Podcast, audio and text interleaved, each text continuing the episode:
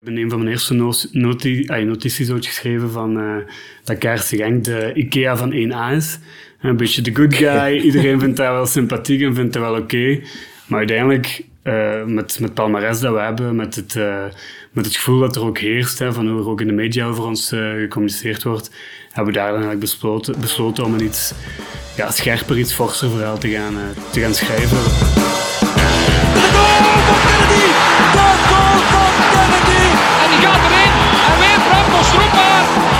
Ineens met een chip en een mooie goal! Wesley Son! Oh, het is niet! Een formidabel doelpunt! Larry! Ja hoor! Ja hoor! Jeff Delen! Een paal denk ik! Op het hoofd van Zokora! Een bombardement en Genk blijft overeind! Samatta! Het is 3-1 voor Racing Genk! Twee dolle minuten volstonden voor Paul Onuachu om Serrain tegen het canvas te krijgen. Zelfs een eerdere penaltymisser hield hem niet van een hattrick. Al bij al een vlotte thuiswinst dus, waarmee de Antwerpse kater relatief snel doorgespoeld werd. En niet onbelangrijk, Racing Genk nadert opnieuw tot op één punt van leider Club Brugge. Nakaarten over de wedstrijd van gisteren en vooruitblikken op onze volgende Europese opdracht doen we vandaag aan de zijde van Frank Kuipers. Hoofdmarketing en communicatie van KRC Genk en een van de bezielers van de spraakmakende Rise Above campagne. Uiteraard hebben we het met hem daarover. En Rise Above geldt ook voor de World Talks. We zien ons kanaal week na week groeien op social media, met dank aan onze trouwe luisteraars. Volg je ons nog niet, dan wordt het hoog tijd om ons te followen op een van onze kanalen op Twitter, Facebook of Instagram. En we zijn jullie vooral enorm dankbaar voor de geuzes die jullie ons blijven tracteren op buymeacoffee.com slash. Elke euro die we inzamelen helpt de werking van de podcast er alleen maar op vooruit. Maar welkom beste Genkies, je luistert naar Terrell Talks.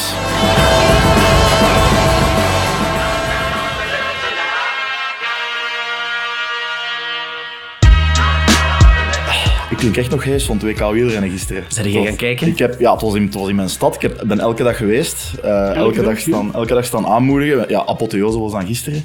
Zeer tevreden met de winnaar. Alaphilippe was de beste, maar heel jammer dat Jasper Stuyven op... Uh... Ja, mijn. Zit jij een wielerfanaat, Frank? Uh, ja, ik volg dat wel eigenlijk. Oké, okay. wat vond jij ervan?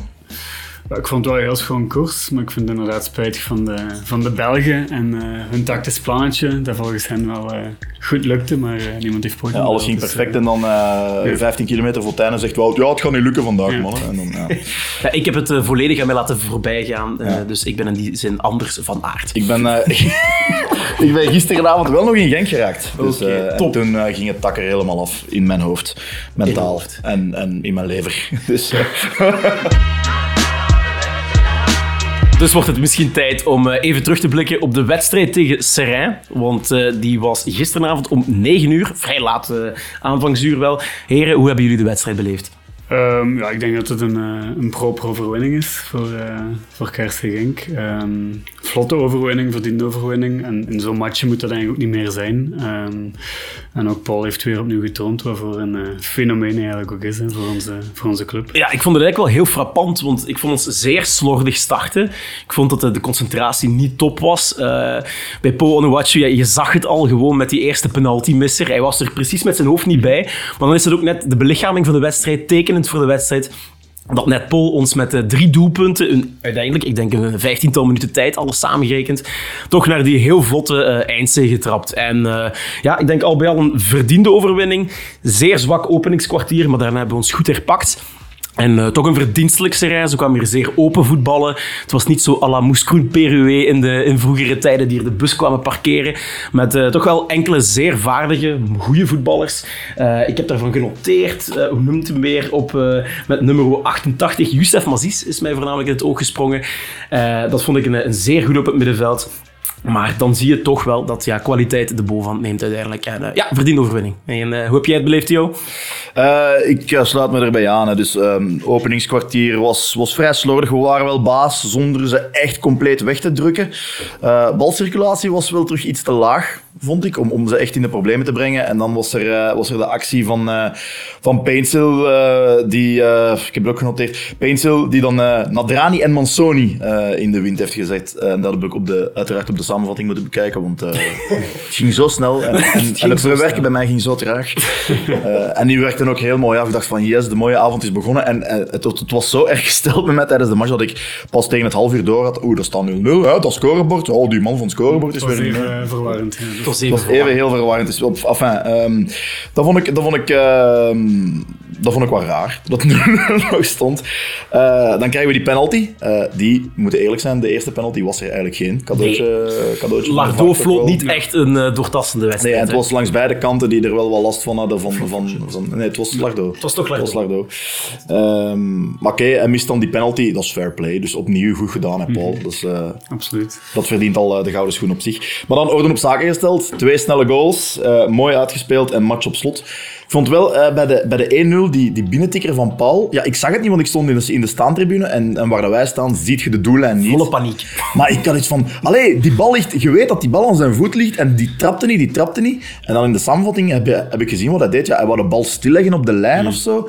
Komt daar nog een verdediger aangeschoten. Ik dacht van. Stel die helemaal niet zag aankomen. Nee. Ja, maar is, is dat, dat dan zo die, die nonchalance? Ja, met, arrogantie? Met, met, Zagreb in het achterhoofd. Dat je zoiets hebt van. Serij, we rollen ze wel op je voet. Dat je overwicht hebt. Of, of ja, was het gewoon even een uh, een, een raar kunststuk. onoplettendheid van hem eigenlijk, dat hij ja. gewoon dacht, ik moet die bal er maar inleggen. En ja. Je zag het ook wel aan zijn, aan zijn lach na, ja, na, na, het scoren van het doelpunt. Hij was echt wel verschoten daarna. Dus. Ja, zijn, zijn, zijn kop bij het vieren was echt zo van... Ja! Ik ben hier goed weggekomen. En John van den Brom uh, zag er ook niet uh, al te happy uit nee, bij het vieren van de goal. Misschien ook wel een vraag voor u, Frank. Het waren toch vrij lege tribunes. Heeft dat dan te maken met zondag 9 uur? Of is daar, moet er nog wat schoen komen, vind je, dit seizoen? Ik denk dat er sowieso nog wel uh, wat schwung moet komen. Um, ik denk dat we enkel tegen Anderlecht echt uh, mooie gevulde tribunes hebben gezien. Dat de overige wedstrijden ja, toch allemaal wel wat kale plekken hebben gezien in het stadion. Dus ik denk dat er toch nog wel een, uh, een gevolg is van, van corona sowieso. Maar ook ja, van misschien toch die, de match gelijk tegen Serrail Union. Misschien niet de interessantste affiches. Met dan inderdaad ook het, de aanvangsuur van 9 uur. Wat, wat we natuurlijk allemaal heel laat vinden. Ook voor families en dergelijke die willen die willen komen kijken. Dus daar zitten wij ook wel uh, nog acties rond te doen om toch mensen zo warm mogelijk te maken om hier naar die match te komen kijken. Um, je zit natuurlijk ook wel bij andere clubs. We zijn daar niet de enige in. Ik denk als je gisteren het stadion van, van Agent zag, dat dat ook bijna leeg. Uh, ja, dat is, ook wel... dat is een beetje een kwalijke tendens, vind ik, in, uh, in, de, in de hoogste liga. De... Ja, ik noem het het staaien-syndroom, mensen die thuis blijven. dus, uh, nee, uh, ik denk als, als ik daarop uh, een, een leuk brugje mag maken, denk uh, een speler waarvoor mensen binnenkort misschien naar het stadion komen, heeft een, heeft een debuut gemaakt. JD Geusens uit Zutendaal. Uit Zutendaal. Het is een van ons. Is ingevallen op de plaats van Ito, dus op de rechtsbuiten. Terwijl ik dacht dat dat toch een middenvelder was. Een acht. Hè. We, we, we, kweken ze hier bij Bosjes bij ja. Genk iets te weinig aan de bal geweest om een uh, oordeel te vellen? Of hebben jullie meer gezien dan ik? Want die kans acht ik wel groot. die kan, ik acht de kans heel groot dat ik meer heb gezien van de wedstrijd dan nu. Maar gewoon iets te korte invalbeurt. Um, doet daar nog één goede actie. Ik denk dat uh, hij een poortje gaf aan... Uh, ja, zijn naam ontsnapt mij. Dus zeer leuke invalbeurt. Net iets te kort wel. Ik vond dat er marge was om vroeger wisselspelers te brengen. En ik denk dat... Ja, als, als er toch één puntje van kritiek mag geven aan het adres van John van den Brom, is dat hij in zo'n wedstrijd volgens mij wanneer je iedereen fris moet houden, net iets vroeger die, die wissels mag, mag doen. Het was allemaal net wat dat, dat tikkeltje te laat. Dus, ja, uh, ik denk dat dat wel heel goed samenhangt met... Hè, ze, ze, ze hebben allemaal zo'n GPS-vestje aan en die data wordt opgevolgd door, uh, ik denk toch minstens één fulltime persoon uh, die, die tijdens de wedstrijd al die data in real-time ziet binnenkomen, dankzij de 5G. Uh, ja, en men ziet dan van, kijk, haalt die er nu maar af, haalt die er nu maar af. En op zich wordt er wel veel geroteerd nu. Hè. Er zijn veel nieuwe starters ja. toch in de afgelopen mm -hmm. matchen gekomen, dus in die zin wordt er wel geroteerd. Mm -hmm. um, maar over Shady gesproken, uh, ik heb hem in de voorbereiding wel een aantal matchen ook zien spelen, waar ik dan wel meer minuten deed. En het is vooral een jongen met heel veel potentieel en vooral heel goede traptechniek. Ja. Dus ik denk dat, dat daar wel ja, dat elke ploeg daarmee gediend is met, uh, met zo'n type speler. Dus uh, gewoon heel gave, gave traptechniek, goede vrije trap ook, voorzet. Dus biedt wel mogelijkheden naar de toekomst toe. En heel mooi, er stonden op een gegeven moment vier jeugdspelers op het uh, terrein. Mm -hmm. Bij afsluiten Luca Ooyen, Maarten van der Voort, J.D. Geustens en Brian Heijnen, uiteraard. Ja. Hij ontsnapte mij bijna. Dus dat is toch wel tekenend voor het, het Genk-DNA, dat we, dat we zo'n wedstrijd dan met vier jeugdspelers nota bene ja. Kunnen, kunnen afsluiten. Ja, dat is top ook dat die jongens die minuten krijgen om in de, de hoofdmacht dat te doen. Ze, ze, spelen nu ook al in de... Uh, ze spelen woensdagavond uh, op Keulen. Ja, uh, ja. Draaien aan de top mee van de beloftecompetitie. Het is de top 4 die, die mag doorgaan. Het is de U19 wel, hè, die speelt woensdag. Het is de U19 die speelt. Okay, want dat stond gewoon in mijn kalender van, Goed gecorrigeerd. van de U21-wedstrijd. Het staat, het staat op de kalender van de U21 die je kunt ah, echt? Ja. Okay. Geef het maar mee. nee, nee. Uh, ja, we gaan niet, niet, niet te lang doordrammen over de wedstrijd. Eén um, ding dat ik wel nog wil delen. Uh, ik heb wat zitten opzoeken over, uh, over, FC, over RFC Serrain. want er ging een belletje bij mij rinkelen van... Is dat het Serrain waardoor dat wij ons toch direct hebben kunnen promoveren de laatste keer? En twee jaar later de beker. Allee, al de rest is geschiedenis. Dus ik ben eens even gaan, gaan grasduinen op het internet. En in 1996 klopt het dus dat Serrain opging in Standaard Luik. Uh, wat ervoor zorgde dat wij rechtstreeks promoveren. Dus dat klopte al, daar was ik al heel blij mee. Samen met Loker, uh, andere tijden. Echte onderzoeksjournalist. Ja, ja, ja, ja. maar wat blijkt, dus dat was een totaal ander RFC Serrain dan het Serrain waar we vandaag tegen hebben gespeeld. Um, dit was oorspronkelijk uh, FC Cérésien, waar we in 2008 denk ik al eens een keer tegen hebben gebekerd. We hebben toen 6-0 of 7-0 gewonnen. dat was nog de, misschien de, de, meest memorabele fase, was dat we op het einde van de wedstrijd een penalty meekrijgen. En Logan Bailly gaat die trappen, mist, want de keeper Een verschrikkelijk onsportief gedrag eigenlijk, maar toen in de tribune zat niemand ermee in. Um, en dan een achttal jaar geleden kocht FC Metz de club op en uh, ja, het bestuur wou sneller opgang maken in het Belgisch voetbal dan, prof, dan sportief mogelijk was. En in België kan dat blijkbaar door een, het, het stamnummer op te kopen van een andere club. Okay. En dan is uh, het toenmalige FC Cérésien heeft um, het stamnummer van Boussudour Borinage, ook ergens daar in de geburen, um, overgekocht. Dat is een Afrikaanse ja. club, wanneer ik dat hoor. Zo Boussudour. het is niet Afrika, maar het is wel Bologna. En qua yeah. voetbal is dat toch ook de Far West, denk ik. Yeah. Dus, dus dat, dat, dat, dat kan alles. Lang vooral kort. Um, en waarmee ik uh, eigenlijk zeg dat ik niks toe te voegen heb aan dit gesprek. Dit Serrain heeft niks met onze geschiedenis te maken. Uh, voor zij die er... Uh, Weet je wie de voorzitter heet van Serrain? Is dat, is dat niet Donofrio geweest? Of de eigenaar nu, die van Metz, die heet Serrain. Moet zijn naam. Die heet Serrain? Die heet Serrain. Ah, ja, gewoon ermee dat hij er gekocht heeft dan waarschijnlijk. Ja. Dat is echt zo, zoals een gepersonaliseerde nummerplaat, ja. zo'n gepersonaliseerde club. Zo, mijn, ah, wel, uh, stort heel veel geld uh, via de geuzes die je kunt kopen, want mijn achternaam is Mets, dus dan koop ik FC Mets over.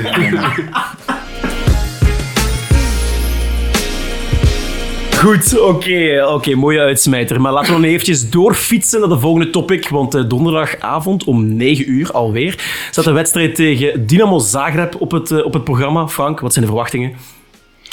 Ja, ik ga er altijd vanuit dat we gaan, uh, dat we gaan winnen. Hè? Dat we die drie punten thuis houden. Maar ik denk wel dat het een heel, uh, heel sterke tegenstander uh, gaat zijn. Dus denk dat het wel... ja, dat geen wakker over of zo gaat, gaat worden. Dus het zal wel een moeilijke match worden.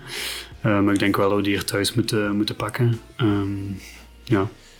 Verwachten we volle tribunes? Hoe verloopt de ticketverkoop? Heb je daar zicht op? Of uh, mogen we mensen toch nog eventjes warm maken? Je mocht uh, mensen zeker nog warm maken. Er is okay. nog plaats. Uh, de ticketverkoop voor de Europese abonnementen die is al bij al vrij vlot verlopen. Maar daar kan zeker nog wel een push, push krijgen. Geld, dus, geld happy hour ook in Europa? nee, nee, denk het niet.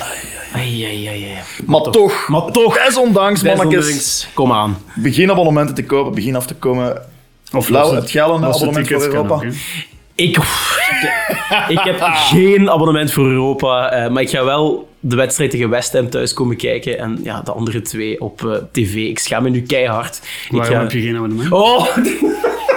Dat is hier echt zo... Dus zo een koplamp op uw scherm. Ja. Waar waard jij? Dat is echt zo een good cop, bad cop. Ja. Uh, nee, het is zo veel om negen uur en dan afkomen, hasselt, uh, veel gerij. Ook 's ochtends vroeg opstaan. Soms moet ik naar Nederland voor het werk. Dus ik ben er echt aan het uitlullen. Um, ik voel dat het hier heel ongemakkelijk wordt. Ik kom elke dag van Antwerpen. Oh mijn god, ja, mijn god. Ja, maar... En uh, heb je nog tijd om aan een podcast mee, mee te werken, Frank?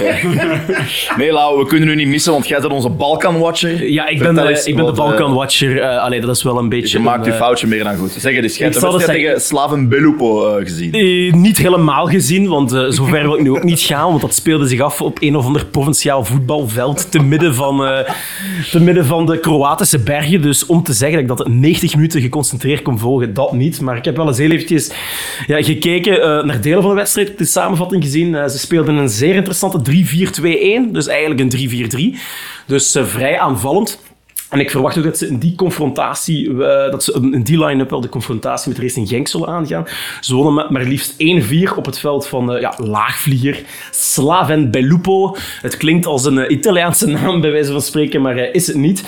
Um, en ja, die kregen eigenlijk voetballes. Hè. Dus daar waar je verwacht van Dynamo Zagreb dat het misschien statische, potige jongens zijn om in stereotypes te spelen, ja, dat niets is minder waar. Er is heel viriel aanvalspel in, met een, met een nummer 10 Petkovic, die een zeer goede doen was. En ik heb echt vier fantastische goals gezien. Een echte spitse goal ook uh, gezien. Ik denk dat het doelpuntenmaker uh, Orsic was. Ja, die kreeg daar vanaf de flank het bal aangespeeld op de linkervoet. En die schiet in de draai met rechts overhoeks binnen. Ja, dat waren echt... Uh, heel mooie goals. En uh, ja, dat, dat, dat geeft toch al een idee weg van wat die ploeg kan. Hè. Um, als je ook ziet, de wedstrijd tegen West Ham United, ze verliezen die met 2-0, maar uh, met 0-2. Maar uiteindelijk hadden ze het meeste pasnauwkeurigheid, meeste balbezit ook. Uh, maar wel nul schoten op doel. Dus dat is een beetje. Dat geeft toch wel weg dat het een scenario Racing Genk Donetsk is geweest. Ja. Met, met heel wat goed voetbal. Maar uiteindelijk de kwaliteit om daarvoor in te komen ontbrak dus. Dus ik, ik schat uh, West Ham toch zeker nog, uh, nog hoger in. Maar ja, het is een, een moeilijke ploeg, een lijpe ploeg. En ik zou zeggen dat hun verdedigers Franjic en Theophile Catherine, een zeer mooie naam. Het kon zomaar een, een, een Franse piraat uit de 17e eeuw zijn. Zo klinkt het wel. Die dekte niet altijd even door door. En uh, ja, zo viel de tegengoal ook. Uh, werd in het straatje gestuurd. Die, uh, de spits die ik niet bij naam weet van uh, Slaven Belupo. En ja, die, die schoot beheerst binnen. Dus uiteindelijk, Dynamo Zagreb. zeer goed uitgebalanceerd elftal. Zeer viriel spel. Maar een verdediging die te pakken is.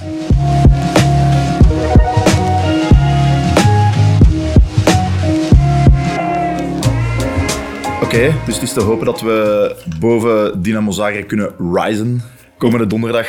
Uh, ik kom natuurlijk meteen uit bij Rise Above en dan zitten we natuurlijk bij onze centrale gast, uh, Frank. Jij bent uh, hoofd marketing en communicatie bij KRC Genk. We gaan direct hebben over uw functie en alles wat erin gaat, maar ik denk dat, dat de meeste luisteraars wel meteen willen weten, ja, Rise Above. Hoe zijn jullie erbij gekomen om die campagne ineens op, op ons los te laten?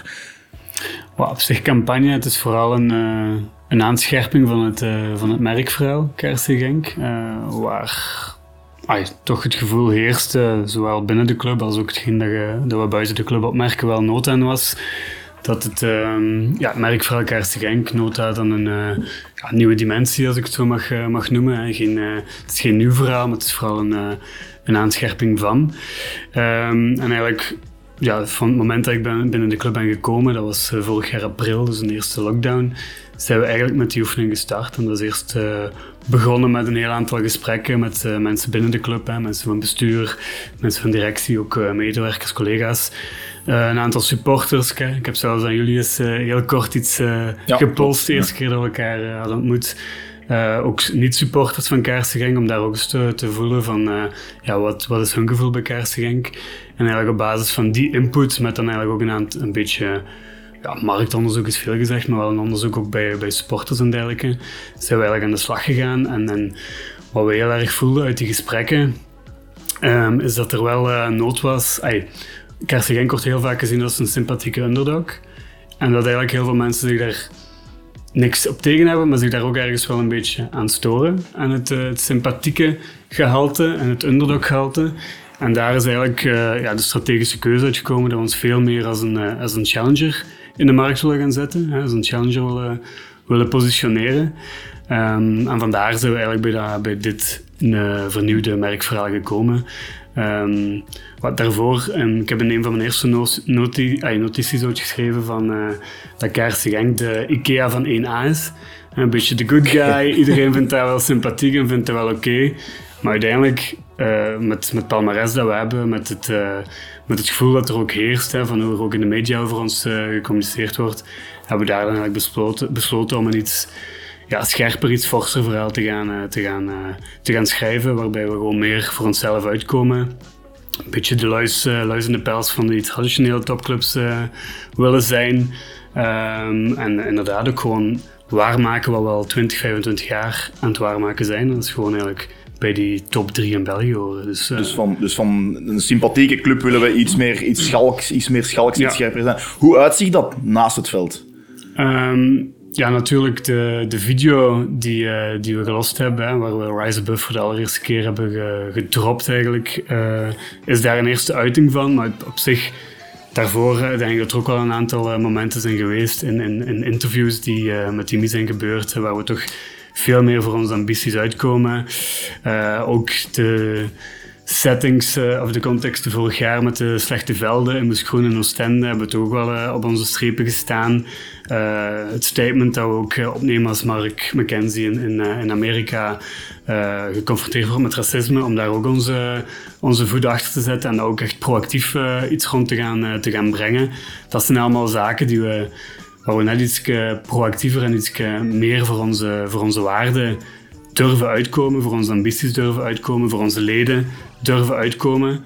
Uh, en dat is eigenlijk een aandachtspunt dat we nu veel meer eigenlijk, uh, ja, binnen de club hanteren, om daar eigenlijk veel actiever mee om te gaan en om niet alles op zijn beloop te laten en ja, geleefd te worden is een groot woord, maar gewoon mm het zelf iets meer in handen proberen te nemen, zonder daarmee van alles een... Ja, een oorlog of zo te, te willen maken. Hè. Dat is ook niet de stijl van, uh, van KRC Genk. Uh, we blijven, dat sympathieke moet er nog altijd wel ergens uh, in blijven hangen, maar we moeten wel iets meer voor onszelf opkomen. En vandaar ook Zinneke, wat ik al een aantal keer is aangehaald, van laat ze maar zeggen, dan zien ze ons niet komen. Laten we dat ook vooral... Dat vond ik heel sterk en daar wordt nog altijd over gebabbeld. Ja, laten we dat vooral ook onder ons houden, zo. snap je? Mhm. van, laten we ons niet te druk maken wat er in uh, nationale media wordt gecommuniceerd. Laten we dat maar gewoon, Gang, dat is iets van ons en van niemand anders. Dus laten wij dat gevoel gewoon keihard voelen en laten wij daar keihard voor gaan. En dan gaan ze ons weer niet in komen. En op een gegeven moment gaan we toch de nationale media en zo dwingen om over ons te, te spreken, omdat we net zo succesvol zijn. Dus dat is, een, dat is een proces dat al langer is ingezet. En dat gaat zich zo wel, wel zetten, maar je kunt het ook niet forceren. Dus laat, ik denk dat dit het mooiste moment is die we eigenlijk kunnen hebben als club, is dat we echt de clubje kunnen gaan vormen. Geen kalimeren, maar wel onder ons. Mhm. En daar eigenlijk uh, dat gevoel extra gaan, uh, gaan laden wat KRC Genk is. Want ik vind ook, en dat komt heel, uh, heel hard tot uiting, dat er echt ingespeeld wordt op identiteit. We hebben het blauw bloedverhaal, mm mijn ploeg. Ik vind dat wel echt, uh, als je terugkijkt naar wat, wat de marketing in Racing Genk was, zo in 2005, toen werd, werd met holle termen gegoocheld, zoals wij zijn een familieclub.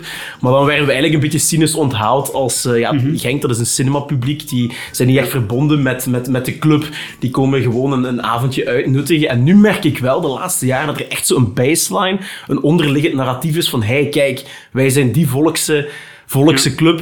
We gaan terug naar onze roots, het mijnverleden, waterschij, winterslag. En ik denk dat je daardoor ook gewoon heel wat fans die zich wat ja, hadden gedistanceerd van de club, terug mee hebt in het verhaal. Wat, wat, wat oudere mensen die de feeling niet meer hadden. En uh, dat vind ik op zich, ja, ook, is dat ook een strategische keuze geweest? Echt zo dat identiteits. Uh, ja, absoluut. Um, maar ik vind altijd zo'n positionering of zo uitleggen is gelijk een mop uitleggen. Ik vind het heel moeilijk om dat helemaal expliciet te gaan, gaan stellen wat er allemaal achter zit. Maar het is goed dat dat allemaal wel naar, eh, naar boven komt. Want het mijnverleden is inderdaad wel gebruikt als een soort van vertrekpunt. En zeker die mentaliteit die daar heerste uh, is een vertrekpunt geweest om dat eigenlijk naar ons merk te gaan, uh, te gaan vertalen. In de waarde, in de tone of voice die we daar, uh, die we daar willen hanteren. Dat schalkste dat er inderdaad ook, ook in zit. Um, dus dat teruggrijpen naar, naar die mijnen, dat willen we niet heel expliciet doen of zo. Natuurlijk zit dat in die video wel heel erg vervat in het begin. Maar dat is een gevaar om het te veel uit te ja, we willen dat niet echt gaan uitmelken, maar het is wel het gevoel dat hard werken gecombineerd met dat hoofd koel houden, dat is wel iets dat we overal willen, willen doortrekken. Die succesvolle tegenstrijdigheid uh, staat ook in een van de documenten. Dat is denk ik ook wel iets dat, dat Genk wel, wel typeert. Je hebt hier toekomst, je hebt hier verleden, je hebt hier dat hard werken. Maar je hebt evengoed dat hoofd koel houden, dat vakmanschap dat hier uh, overal, overal is. En je hebt hier talent, maar daartegenover staat ook die community, die brede gemeenschap die achter die, achter die ploeg staat. En dat, wordt eigenlijk, dat is allemaal een succesvolle tegenstrijdigheid gebleken die laatste 30 jaar dat wij, of 33 jaar dat wij bestaan. Dus dat zijn, dus dat zijn allemaal zaken die, die, die leefden waarschijnlijk al voor uw komst ja, absoluut. Uh, jij hebt het dan samen met uw team in gang getrokken. Um, zaken die inderdaad, gelijk dat Schalkse en die statements en dergelijke, die we, die we in de pers zagen terugkomen. Ook de manier, de tone of voice van, van wedstrijdverslagen en dergelijke. Dat, je begon te zien dat dat wat stouter werd. Je begon te zien dat je al... Ja, op Twitter zag je vrij snel dat er al bepaalde mensen in bepaalde redacties vooral uh, geïrriteerd begonnen te raken. Wat ik fantastisch vind. um, maar dus oké, okay, je bouwt allemaal op naar dat ene moment, uh, de avond voor dat je wist van oké, okay, morgen wordt het filmpje gereleased. Zet je dan nerveus of wist je van dit wordt een knaller? Ik ben niet nerveus voor. Ay, op zich is dat. Je zit zo lang bezig soms met, met projecten hmm. dat je die. Ja, dit wel ben ik wel vooral eigenlijk nog niet beu gezien, maar heel vaak zit je het wel ergens aan gewoon geraakt en, en kent je het gewoon van binnen en van buiten. En, en, en we hadden wel een goed gevoel bij, bij, bij de video van die gaat, wel, die gaat wel binnenkomen bij de mensen. En die is ook wel heel bewust gemaakt, echt voor supporters van Kaarsengenk. We hebben die ook enkel op onze kanalen gezet. We hebben dat ook niet gepusht bij, bij media of zo. Ook daar, dat is echt iets onder ons. Um, dat is ook niet, hè, want dat is denk ik ook een van de vragen die jullie misschien nog wel gaan stellen. Van, hè, is dat vooral nieuwe supporters te trekken? Mhm. Misschien kan dat wel een onrechtstreeks gevolg zijn, maar het is echt, echt wel bedoeld voor onze huidige supporters echt wel gewoon te, te betrekken en extra te motiveren en, uh, bij, bij het verhaal. Um, en ook door corona is ook heel bewust die, die shift ook gekomen naar eigenlijk meer het lokale en zorgen van hè, behouden wat we hebben van, van supporters en dat zo, zo goed mogelijk uh, activeren en, uh, en betrekken. En, en dit is daar ook een onderdeel van. Dus het is een bewuste keuze geweest om echt wel heel erg op dat lokale, op, op de huidige supporters te, te focussen, zoveel mogelijk abonnement uh, te behouden en dergelijke. Dus dat is echt wel uh, dat is wel, dat is wel geluk, denk ik. Want ik heb gehoord uh, dat er... al ik heb gelezen dat er mensen letterlijk tranen hebben moeten bijlaten bij dat filmpje. Ja, dat dus dat is toch wel, allee, dat is toch wel ja, teken dat het goed was. Ja. ja. heel goed. Ik vind het ook wel heel interessant dat je het aanhaalt. het lokale. Hè. Racing Genk blijft toch ook altijd een beetje de club van de regio, de club van Limburg. Hoe hoe is dat voor, eh, als, als marketingmanager om dat te rijmen met de verdere internationalisering van de club? Is dat een moeilijke evenwichtsoefening soms om een bepaald pad te kiezen van nu gaan we, gaan we ons landelijk profileren? Of, of, of, of is dat een moeilijke evenwichtsoefening? ik denk dat niet. Ik denk dat je dat lokaal ook altijd gewoon moet zien als een, uh, als een uh, ja, uniek element in je verhaal. En waar je ook mensen buiten het lokale kunt, kunt aantrekken. Er zijn clubs genoeg in het buitenland waar wij ook een sympathie voor hebben door hun geschiedenis, door hun, uh, hun specifieke context waarin die, uh, die ploegen groot zijn geweest of waarin die succes hebben gehad. Is dat, is dat wederzijds dan zo, die sympathie? Ik denk bijvoorbeeld aan een Schalke of een Dortmund, als ik, als ik snel... Is dat zo... Kennen jullie elkaar zo'n beetje als... We zijn een beetje broertjes, of, of hoe moeten we het, hoe moeten we het zien? Of is dat totaal... Uh... Het is wel zo dat, dat gelijk Dortmund en Schalke, dat zijn wel kanalen die wij wel raadplegen om, uh, voor inspiratie. Maar anderzijds denk ik ook wel dat ons verhaal ook weer, weer anders is mm. dan, uh, dan hun verhaal. Maar gewoon puur naar, naar sfeer en naar toon toe, kunnen we daar inderdaad wel, uh, wel iets van leren. En Dortmund is natuurlijk ook zo'n grote ploeg dat die mm-hmm. op heel veel vlakken ook gewoon veel verder staan. Dus uh, maar dat zijn inderdaad wel, er zijn wel verwantschappen met, uh, met die ploegen. Hè. Dus, ja, uh, ja, ja. ja, Lau had het net ook over expansie. Ah, ja, om daar even over verder te gaan. Uh, inderdaad, we zijn de club van Limburg. Ja, er is ook maar één. Hè.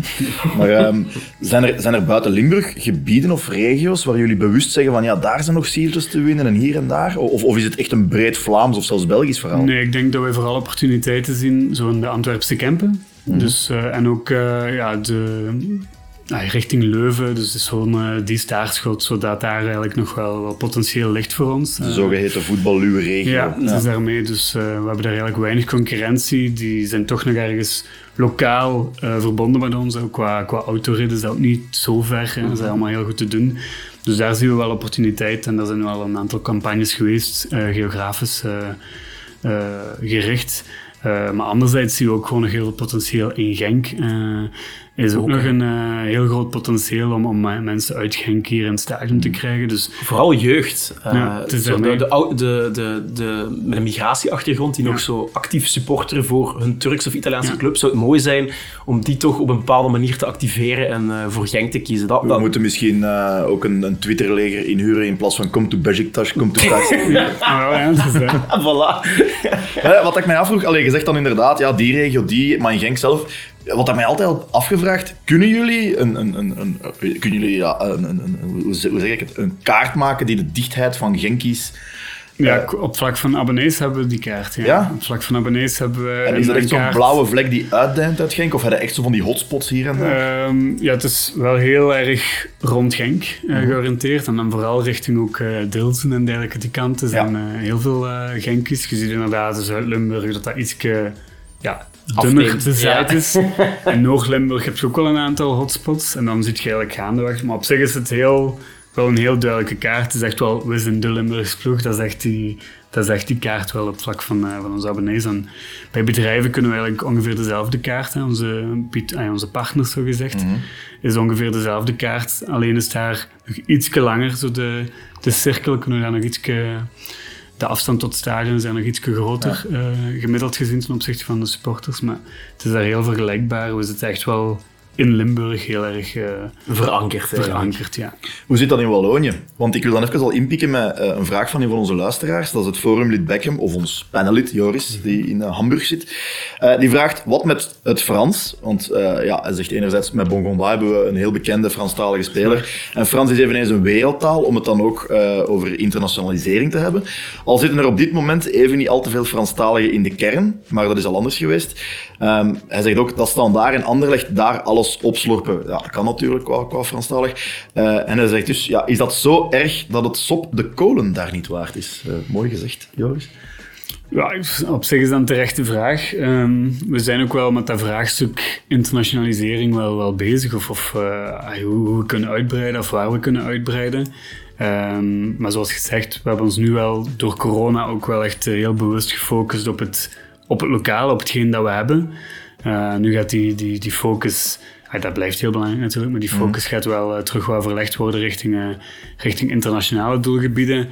Ehm, het Engels gaat daar sowieso een rol in, eh, in gaan spelen. Het Frans mogelijk zo ook. Het Spaans is waarschijnlijk ook, gaan we ook wel een aantal acties rond, opzetten. en dat is echt door de Colombianen om, om, om daar iets... Ja, kun je daar iets duurzaam creëren? Kun je zeggen van, we gaan nu echt De- voor fans... Dat is de vraag, hè, of het eh, duurzaam is. Maar als je tijdelijk daar ook een piek kunt, zou kunnen creëren naar, eh, naar merchandise en dergelijke. Maar dat is ook het onderzoek dat we dan wel moeten voeren. Is, is daar economisch, is daar economisch, eh, valt er iets te halen? Eigenlijk in Japan verkopen wij gewoon, zonder daar campagne te voeren, al, ticket, eh, al shirts voor... Gaan, gaan Ito, shirts van de fanshop hier naar Japan? Bijvoorbeeld, ja, Ja, dat is wel cool. Dat is wel... eh, Maar ja, eigenlijk logisch inderdaad. Dus daar- stilgestaan. Dus daar heb je ook wel, eh, wel ideeën van, stel dat Ito nog eens een man van de match is of zo, Ja. dat we dan daar eh shirts verkopen richting Japan.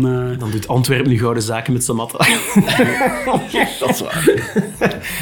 dat is waar. Nee, maar Frank, ja, je bent eigenlijk al enkele jaren in dienst bij Racing Genk. Wanneer ben je eigenlijk begonnen? Ja, ik ben nog geen, niet enkele jaren in dienst. Ik ben anderhalf jaar in Anderhalf jaar in Dus, dienst. eh, ja. Even heel kort, wat is de verwezenlijking waar jij het meest trots op bent? Goh, ik hoop dat die nog moet komen. Ehm, ja, ik, ik, eh, mijn job denk ik dat ook vooral is om, eh, om andere, andere mensen binnen de club, maar ook, ook de club zelf te doen, te doen shinen. Dus zolang dat dat gebeurt, dan, dan ben ik eigenlijk wel, wel tevreden.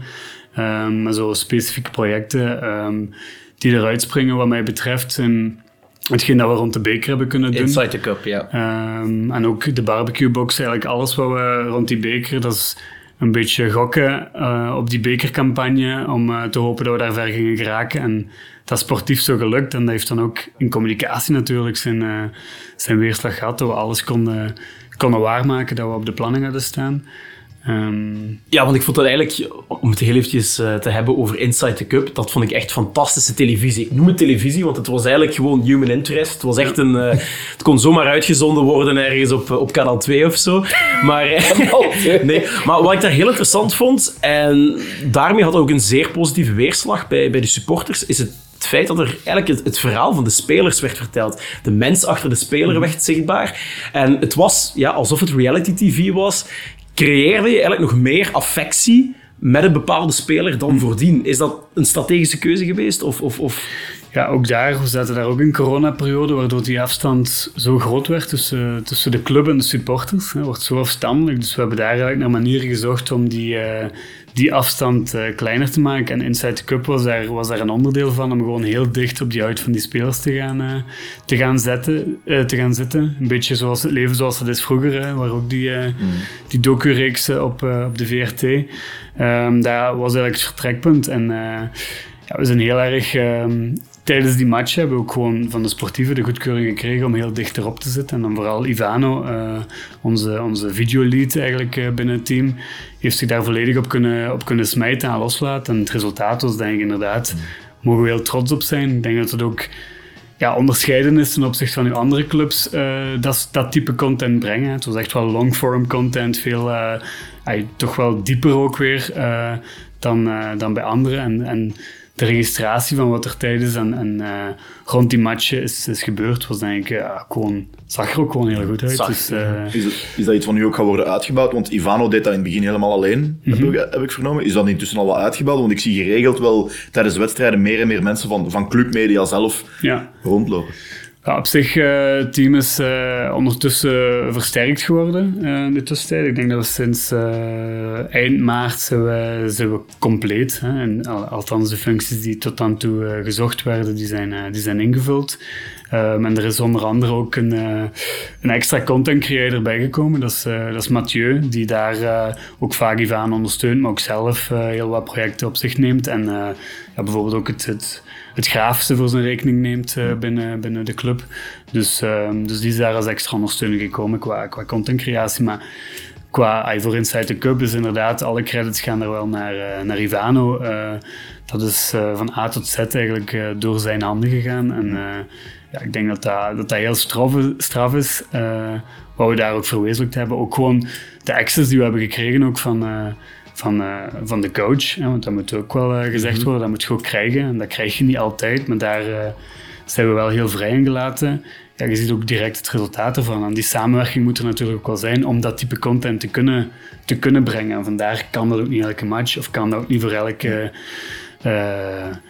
op elk moment in het seizoen. maar bij de beker was echt, ja, kwam dat heel goed uit. Al die wedstrijden zijn allemaal heel goed uitgekomen. En ja, is het resultaat om om u tegen te zeggen. Hè? Ik denk dat we dat wel, uh, wel mogen zeggen. Dat vind ik uh, zeker en vast. En dat merkte ik eigenlijk ook wel op uh, tijdens campagnes zoals Inside the Cup. Dat het wel leek of Racing Genk ook bepaalde spelers pusht, zoals een Torstvet of McKenzie, is dat de natuurlijke aanleg van die spelers? Dat die, dat die dan wat meer in de picture staan? Of is dat toch een strategische keuze van de club om te zeggen van, ja kijk, dit zijn een beetje de kapstokken waar rond we het verhaal wat, uh, wat kunnen ophangen? Nee, we proberen daar op zich wel een, een evenwicht in te houden. Maar natuurlijk zit je met een aantal spelers ja, ook taal is daar ook gewoon een, een issue. Uh, en, en, inderdaad persoonlijkheid van, uh, van spelers ook. Die er wel voor zorgen dat zeker een, content zoals Inside the Cup of, of videocontent, waar zij net iets meer uh, ja, die rol ook uh, innemen, terwijl andere spelers dan niet altijd voor, uh, voor groepen zijn. Dus ja, daar moeten we dan zelf ook wel gewoon ja, juist kiezen en net voor die spelers gaan die zich daar ook meest comfortabel in voelen. maar we proberen wel een evenwicht te houden in de, in de spelers die we aan ja, die, we, die we in beeld brengen. En uh, als de spelers in videocontent net iets minder in beeld komen, dan proberen we die in, in foto, foto's wel wat meer in beeld te, uh, te brengen.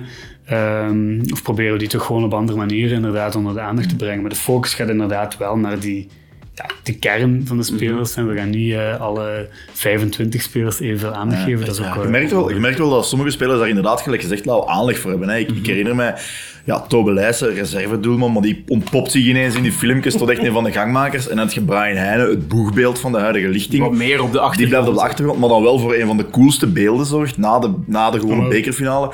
Hoe die met die beker nonchalant onder zijn, onder zijn arm door, de, door die gang loopt. Ja. Carcela even groen heen lacht op weg naar de, dat zijn, dat zijn die beelden. Ja, en zo komt hij wel in beeld en, en blijft dat wel lang bij. Terwijl Tobe Leijsen is dan ja, de grappenmaker. En, en die ontdekken we ook op die manier. Dus dat vind ik wel heel cool. Maar het kruipt inderdaad Allee, we kunnen raden, sowieso enorm veel werk in, uh, in het, in het uh, maken van, uh, van, van zo'n reeks. Maar het is wel ja, one of the ways to go. Um, Anderlecht is momenteel nog steeds in aan het uitzenden op Play Sports. An Antwerpen heeft ook zo'n mini-reeks gehad.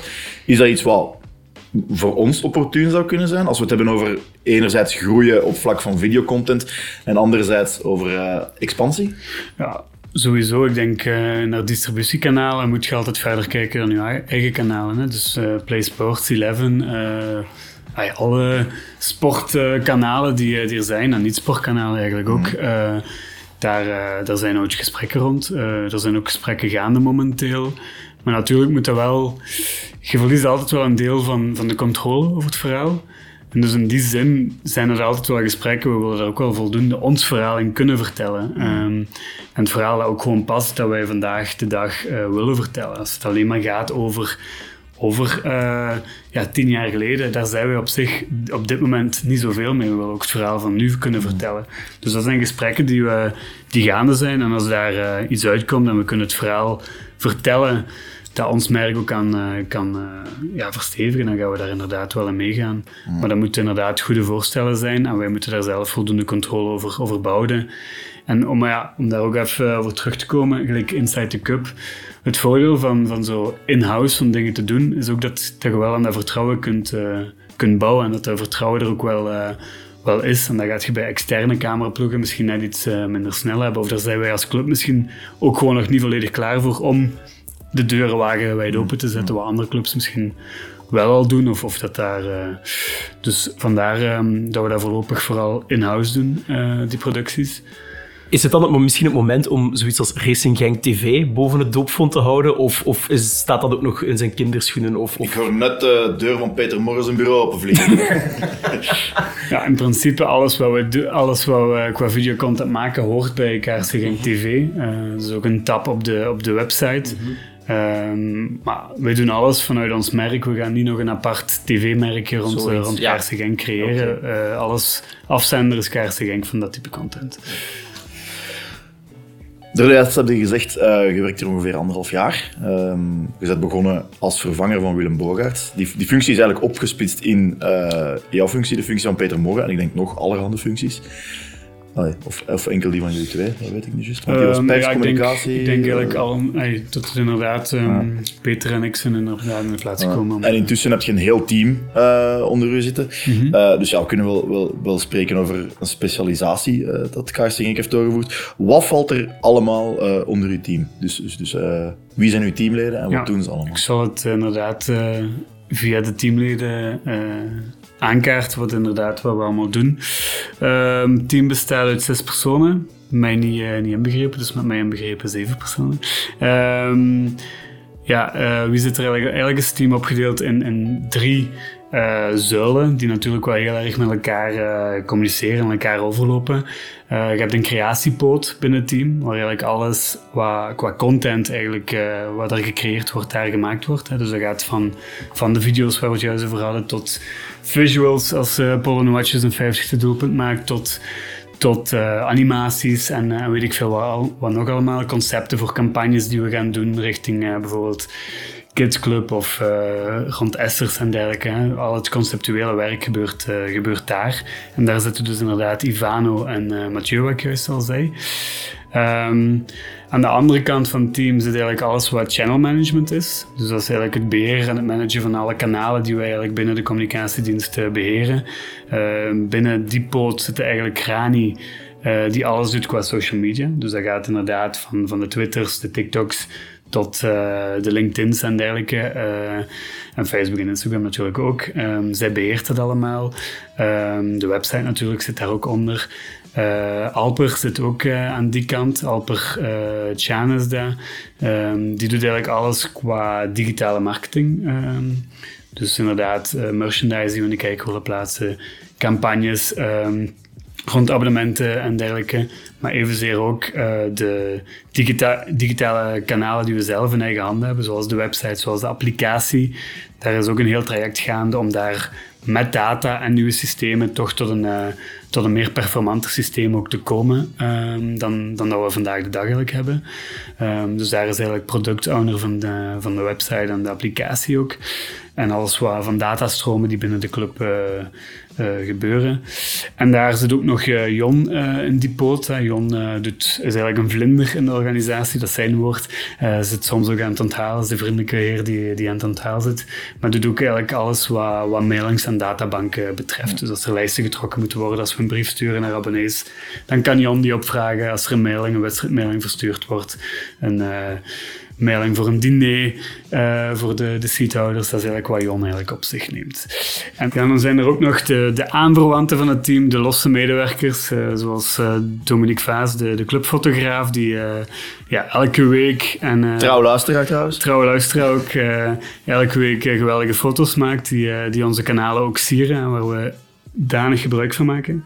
Uh, er is ook nog Stijn Tans, die uh, ja, eigenlijk de live feed doet in de applicatie. Toch ook uh, onderbelicht vaak wat daarin gebeurt. En dus ja, verdient zeker ook vermeld te worden. En dan heb je ook nog natuurlijk Rudy Pascal, die met persaangelegenheden ons ons helpt. En uh, Divi Rego, die eigenlijk alle schermen in het stadion ook een hele mooie branding uh, hebben gezet. Dus uh, die moeten zeker ook vernoemd worden in het lijstje en zeker ook deel van het, het communicatieteam. En dan in het centrum van het team um, zit Peter Morre, die de pers ehm, managt en, en aanstuurt. Ook de mediapartners zoals Eleven in nauw contact daarmee staat.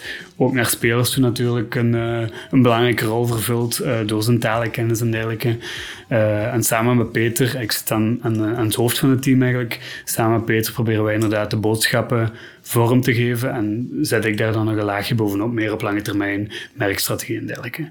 Dus dat is eigenlijk het team dat we vandaag de dag hebben en we zijn natuurlijk ja, een speel binnen de organisatie en heel nauwe samenwerking met Even van Aan bij de commerciële dienst. En, uh, en natuurlijk ook bij de sportieve dienst uh, staat Peter heel dicht daarbij bij, bij Dimitri en, uh, en dergelijke. Dus, dat is voilà. een hele hoop. En ja, ik, ik, wil, ik wil niemand uitsluiten of dergelijke, maar het woord sociale media is gevallen. Mm -hmm. valt uiteraard ook onder de bevoegdheden.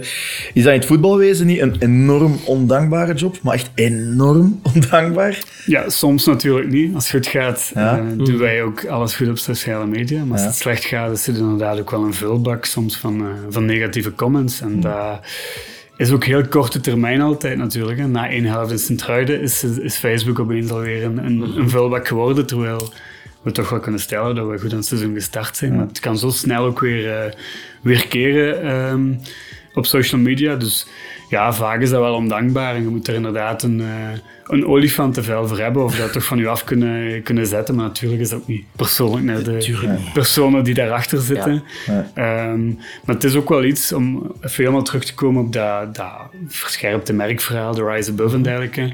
Het korte termijn geheugen zit ook voor een stuk, denk ik wel, bij onze supporters. Van, hè, we zijn een heel succesvolle ploeg de laatste 20, 25 jaar.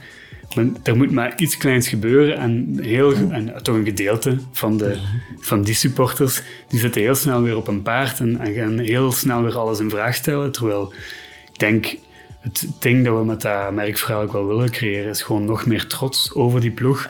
En ook ja, soms even wat geloof. Geloof dat iedereen die daarmee bezig is, hier binnen de club, competent, uh, daarbuiten, competent is en daar gewoon zijn beste beentje voor zit. En in voetbal heb je soms pech en gaat het soms minder en dat, dat hoort er ook wel bij. En vandaar ook de Rise Above. Moeten ons daar soms ook gewoon boven zetten. En wij zetten ons in het team wel, uh, wel boven die comments. Maar dat is inderdaad soms wat slikken wat je daar te lezen krijgt. Doen, doen jullie daar soms iets mee? Oké, okay, ja, de heel neg negatieve die gaan eruit. De heel ja. positieve of, of mensen die iets vragen, daar antwoorden jullie op ja. met het clubaccount. Maar bijvoorbeeld iemand die een, een, een zeer goed gefundeerde uiteenzetting schrijft over hey, dit kan beter, dat kan beter, wat als we dit doen? Ja, je hoeft daar niet op te antwoorden, maar doen jullie soms van hey, intern sturen van die heeft, daar zit misschien wel iets in? Of, ja, uh... dat wel. Ja, we lezen ze ook eigenlijk allemaal. Mm. Dus in die zin... Um... Alleen de lieve comments toch? Of de, of de deftige comments toch? nee, maar in die zin proberen we daar wel um, wat relevant wel een antwoord op te bieden. Zelfs op negatieve denk ik denk ik ook dat, maar dat zal natuurlijk oppassen, want je wil ook geen storm veroorzaken. Maar mm. ik vind wel, soms als er over bepaalde spelers negatief wordt gedaan, vind ik wel dat het moet kunnen dat wij als Casting Official die wel die spelers daar, uh, daarachter staan natuurlijk. Ja, ja, Sorry. Um, dus uh, ja, ik denk uh, dat we daar wel een antwoord op, op, willen bieden. Natuurlijk, ook daar, we krijgen soms zoveel comments. We kunnen niet op elke comment een, een antwoord geven, maar zeker op de DM's die we krijgen, daar proberen we wel zo goed mogelijk op te reageren en ook wel echt een service te bieden aan, aan fans. Um, ja. Wanneer ga jij als een tevreden man naar huis? Um, niet, op, niet, niet op matchdagen. ja, op zich, het uh, sportieve resultaat is altijd wel heel bepalend binnen, binnen een club, hoe de, hoe de sfeer is en zo. Dus dat is wel op zich wel aanpassen voor mij, van, van waar ik, van mijn historiek. Als je in een doorsnee organisatie werkt, is die emotionaliteit natuurlijk veel minder aanwezig. Dus ja, de sportieve prestaties zijn wel heel bepalend naar, naar mijn humeur. Mhm. Ehm, en van iedereen eigenlijk hier. Ehm, maar ja, wanneer ben ik tevreden? Ik denk, uh, ik, heb hier, ik heb er wel even over nagedacht wat ik daarop zou kunnen zeggen. Um, maar in die end ben ik wel tevreden als we iets naar buiten hebben gebracht. Dat kan iets heel kleins zijn. Dat kan een, simpel tweetje zijn die wel ergens een zekere impact heeft, waarvan je toch wel voelt van, ja, die doet het beter dan, dan andere posts. En ik word ook wel, ik, ik stuur het team aan, dus ik word ook wel gewoon heel tevreden als ik zie dat dat wel in elkaar klikt. Dat, uh, dat de mensen in het team goed met elkaar samenwerken, dat er initiatieven worden genomen. En want hoe meer initiatieven er genomen worden, hoe minder ik ook met zelf moet doen. Uh, dus in die zin ben ik daar ook altijd wel heel content van als dat, als dat gebeurt. En dat gebeurt ook gelukkig. Dus, um, en dan bemoei ik mij ook minder met, uh, met wat er uh, naar buiten gaat. Nu ben ik echt nog benieuwd, Frank, wat er in de pijplijn zit. Is er iets, kun je al een tipje van de sluier lichten, iets wat eraan komt, of is het uh, op dit moment gewoon... Ja, het is natuurlijk een sportief druk programma, dus er gaat veel focus naar het, naar het Europese voetbal. Daar um, komen we morgen. Ik weet niet wanneer de uitzending eigenlijk is. Maar... de uitzending... ja, de uitzending is vanavond. Allee, uitzending wordt vanavond gepubliceerd. Dus, uh... Ja, morgen gaat er al een uh, mooie reisverslag komen in de lijn van Inside the Cup, maar dan van, uh, van Wenen. Dus dat kan ik wel ah. al, aankondigen. Het is niet zo uitgebreid als Inside the Cup, omdat dat momenteel moeilijker is om, om daar zo dicht op die ploeg te zitten. maar het is eigenlijk wel... daar is wel de bedoeling we van alle de trips die we maken, dat we daar wel ook uh, wel mooie content van, uh, van gaan brengen. Uh, omdat dat ook weer nieuwe verhalen zijn die we kunnen, die we kunnen brengen. Um, en verder zit er eigenlijk nog heel wat in de, in de pipeline waar ik nog niet zoveel over kan, kan vertellen. Maar dat gaat over, over iets naar jongeren dat we gaan doen. de jongste supporters, daar gaan we binnenkort mee naar buiten komen. Tot ook een, ja, iets dat we toch... Um, ik mag het niet charity noemen, want het is eigenlijk geen charity, maar het is toch wel ook voor een goed doel. Uh, in Limburg, voor het Limburgse jeugdvoetbal, gaan we ook wel een initiatief nemen.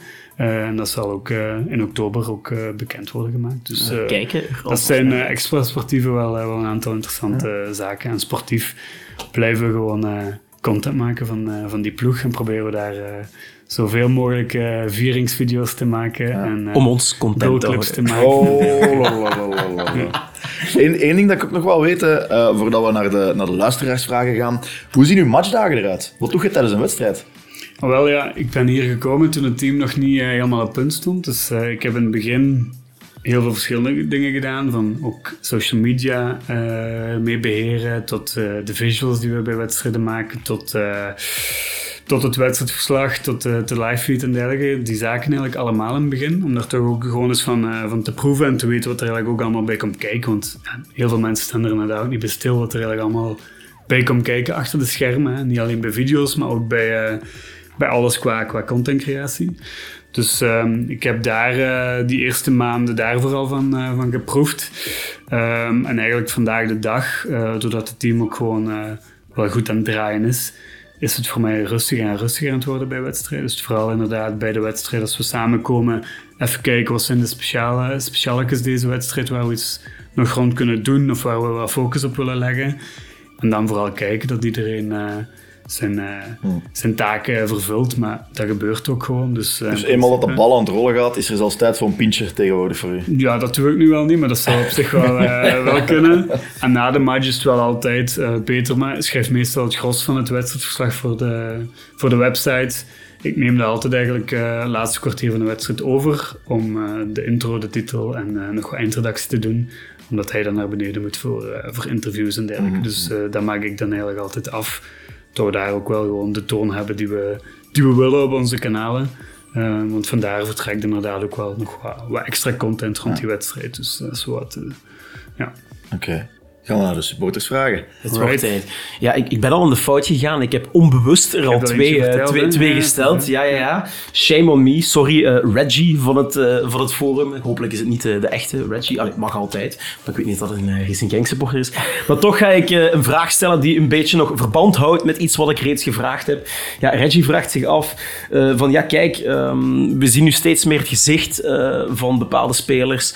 Ehm, ja, een beetje achter de, de, de speler. Hè, we hebben het onder andere al gehad met eh Torstvet en McKenzie die zich vaak ontpoppen. Eh, hij vraagt zich af, eh, zou de club niet meer kunnen doen van bijvoorbeeld spelers die wat minder aan bod komen of minder in de bovenste schuif liggen, die misschien wel heel wat fluitconcerten vaak over zich heen krijgen, om die toch wat meer op een positieve manier in de markt te zetten of te promoten?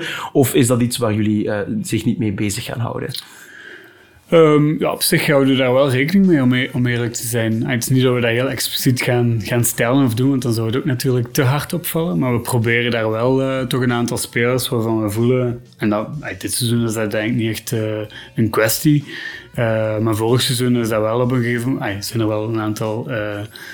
mindere periodes geweest en waar, waar toch wel wat krit- kritische geluiden werden gehoord. Dus dan hebben we toch wel een aantal spelers van daarvoor geduwd eigenlijk in, eh, in onze content en in de verhalen die we, die we naar buiten brengen. Ja. Eh, de grote beer van het forum, Oersa Major, eh, die vraagt of er eindelijk visuals van onze trofeeën kunnen komen in de hoofdtribune.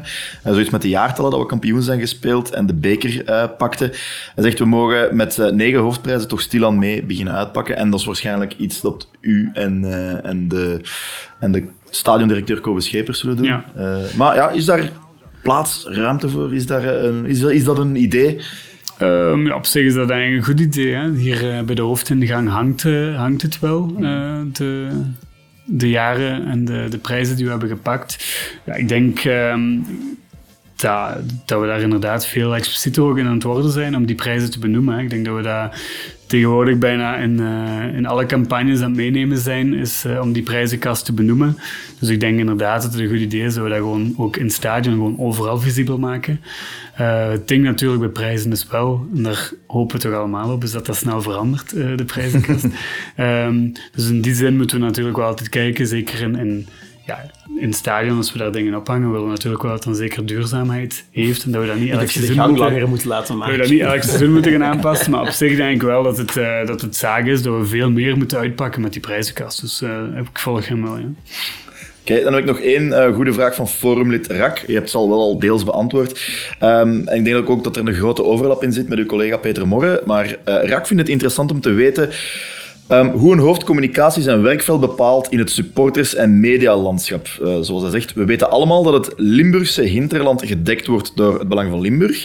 Waardoor dat er in andere media die niet zo sterk aanwezig zijn in Limburg weinig coverage is eh, over Genk, want daar is geen, geen leespubliek. Hoe tracht men bij Genk deze cirkel te doorbreken en de coverage te verbreden? Ja, het is een beetje inderdaad wat ik daar juist al zei. Van ik denk niet dat we ons daar te hard door moeten leiden en ook niet te hard in een Calimero-rol eh, moeten duwen. Omdat we, wat we vertellen, wat we doen, eh, sportief, is gewoon super straf. En daar moeten we gewoon met z'n allen eerst van overtuigd geraken.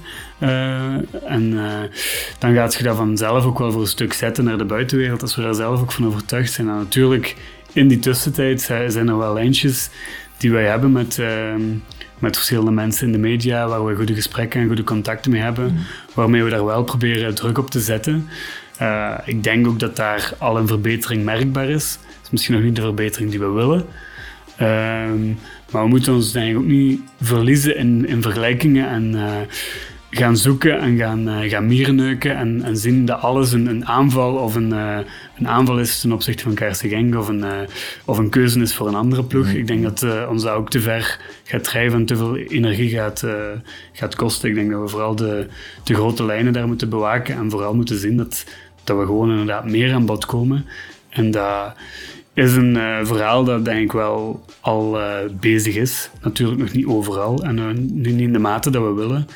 Maar eh, daar wordt wel achter de schermen wel hard aan gewerkt, aan die, aan die lijntjes, en die, dat die nauwer worden.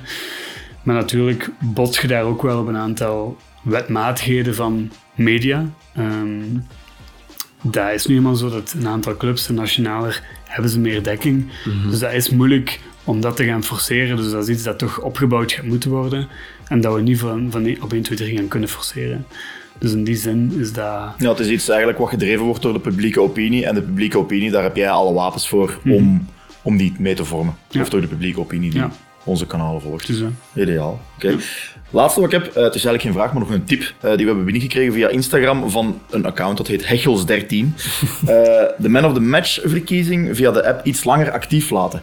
Ehm, tot ergens de dag na de match, zegt hem, om meer stemmen te krijgen en het geheel meer cachet te geven. Ik kan, me- ik kan het alleen beamen. Oké. Dus bij deze een... Goeie eh, suggestie. Ja, we hebben dat vorig jaar aangepast, die timings. Eh, het was vorig jaar ook, denk ik, was wel naar het einde van de match even lang. Maar we hebben dat op basis van inderdaad dus de cijfers die we hebben van de app eh, zo wel behouden. Maar hebben vooral tijdens de rust pas de eerste reminder gestuurd. Terwijl dat vroeger in het begin van de, van de wedstrijd al was. Maar als je dan nog 0-0 is of het is een saaie match. Ehm, dus we hebben die timings wel aangepast, maar we kunnen die inderdaad langer laten lopen. Eh, dat is zeker een interessante suggestie. En als dat meer stemmen oplevert, gaan we dat zeker ook eh, blijven Stemmen doen. en meer fans. En daar Ja. zijn we helemaal blij om. Dan zijn we helemaal vertrokken en we eindelijk een landelijke. Nee,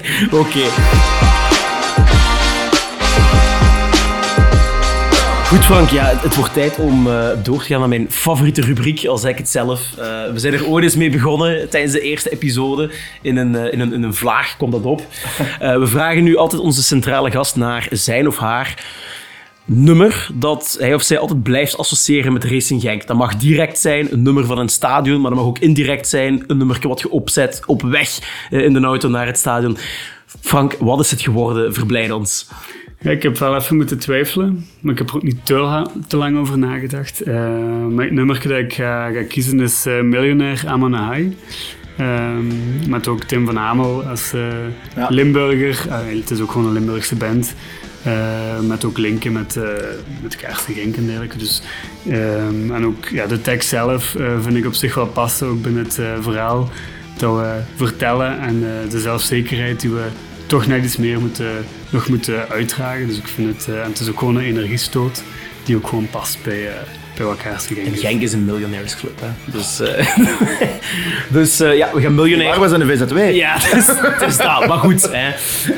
de doorverkoop altijd. Dan gaan we miljonair toevoegen aan onze nu al immer befaamde Spotify-lijst. Gewoon terug te vinden onder Terrell Talk.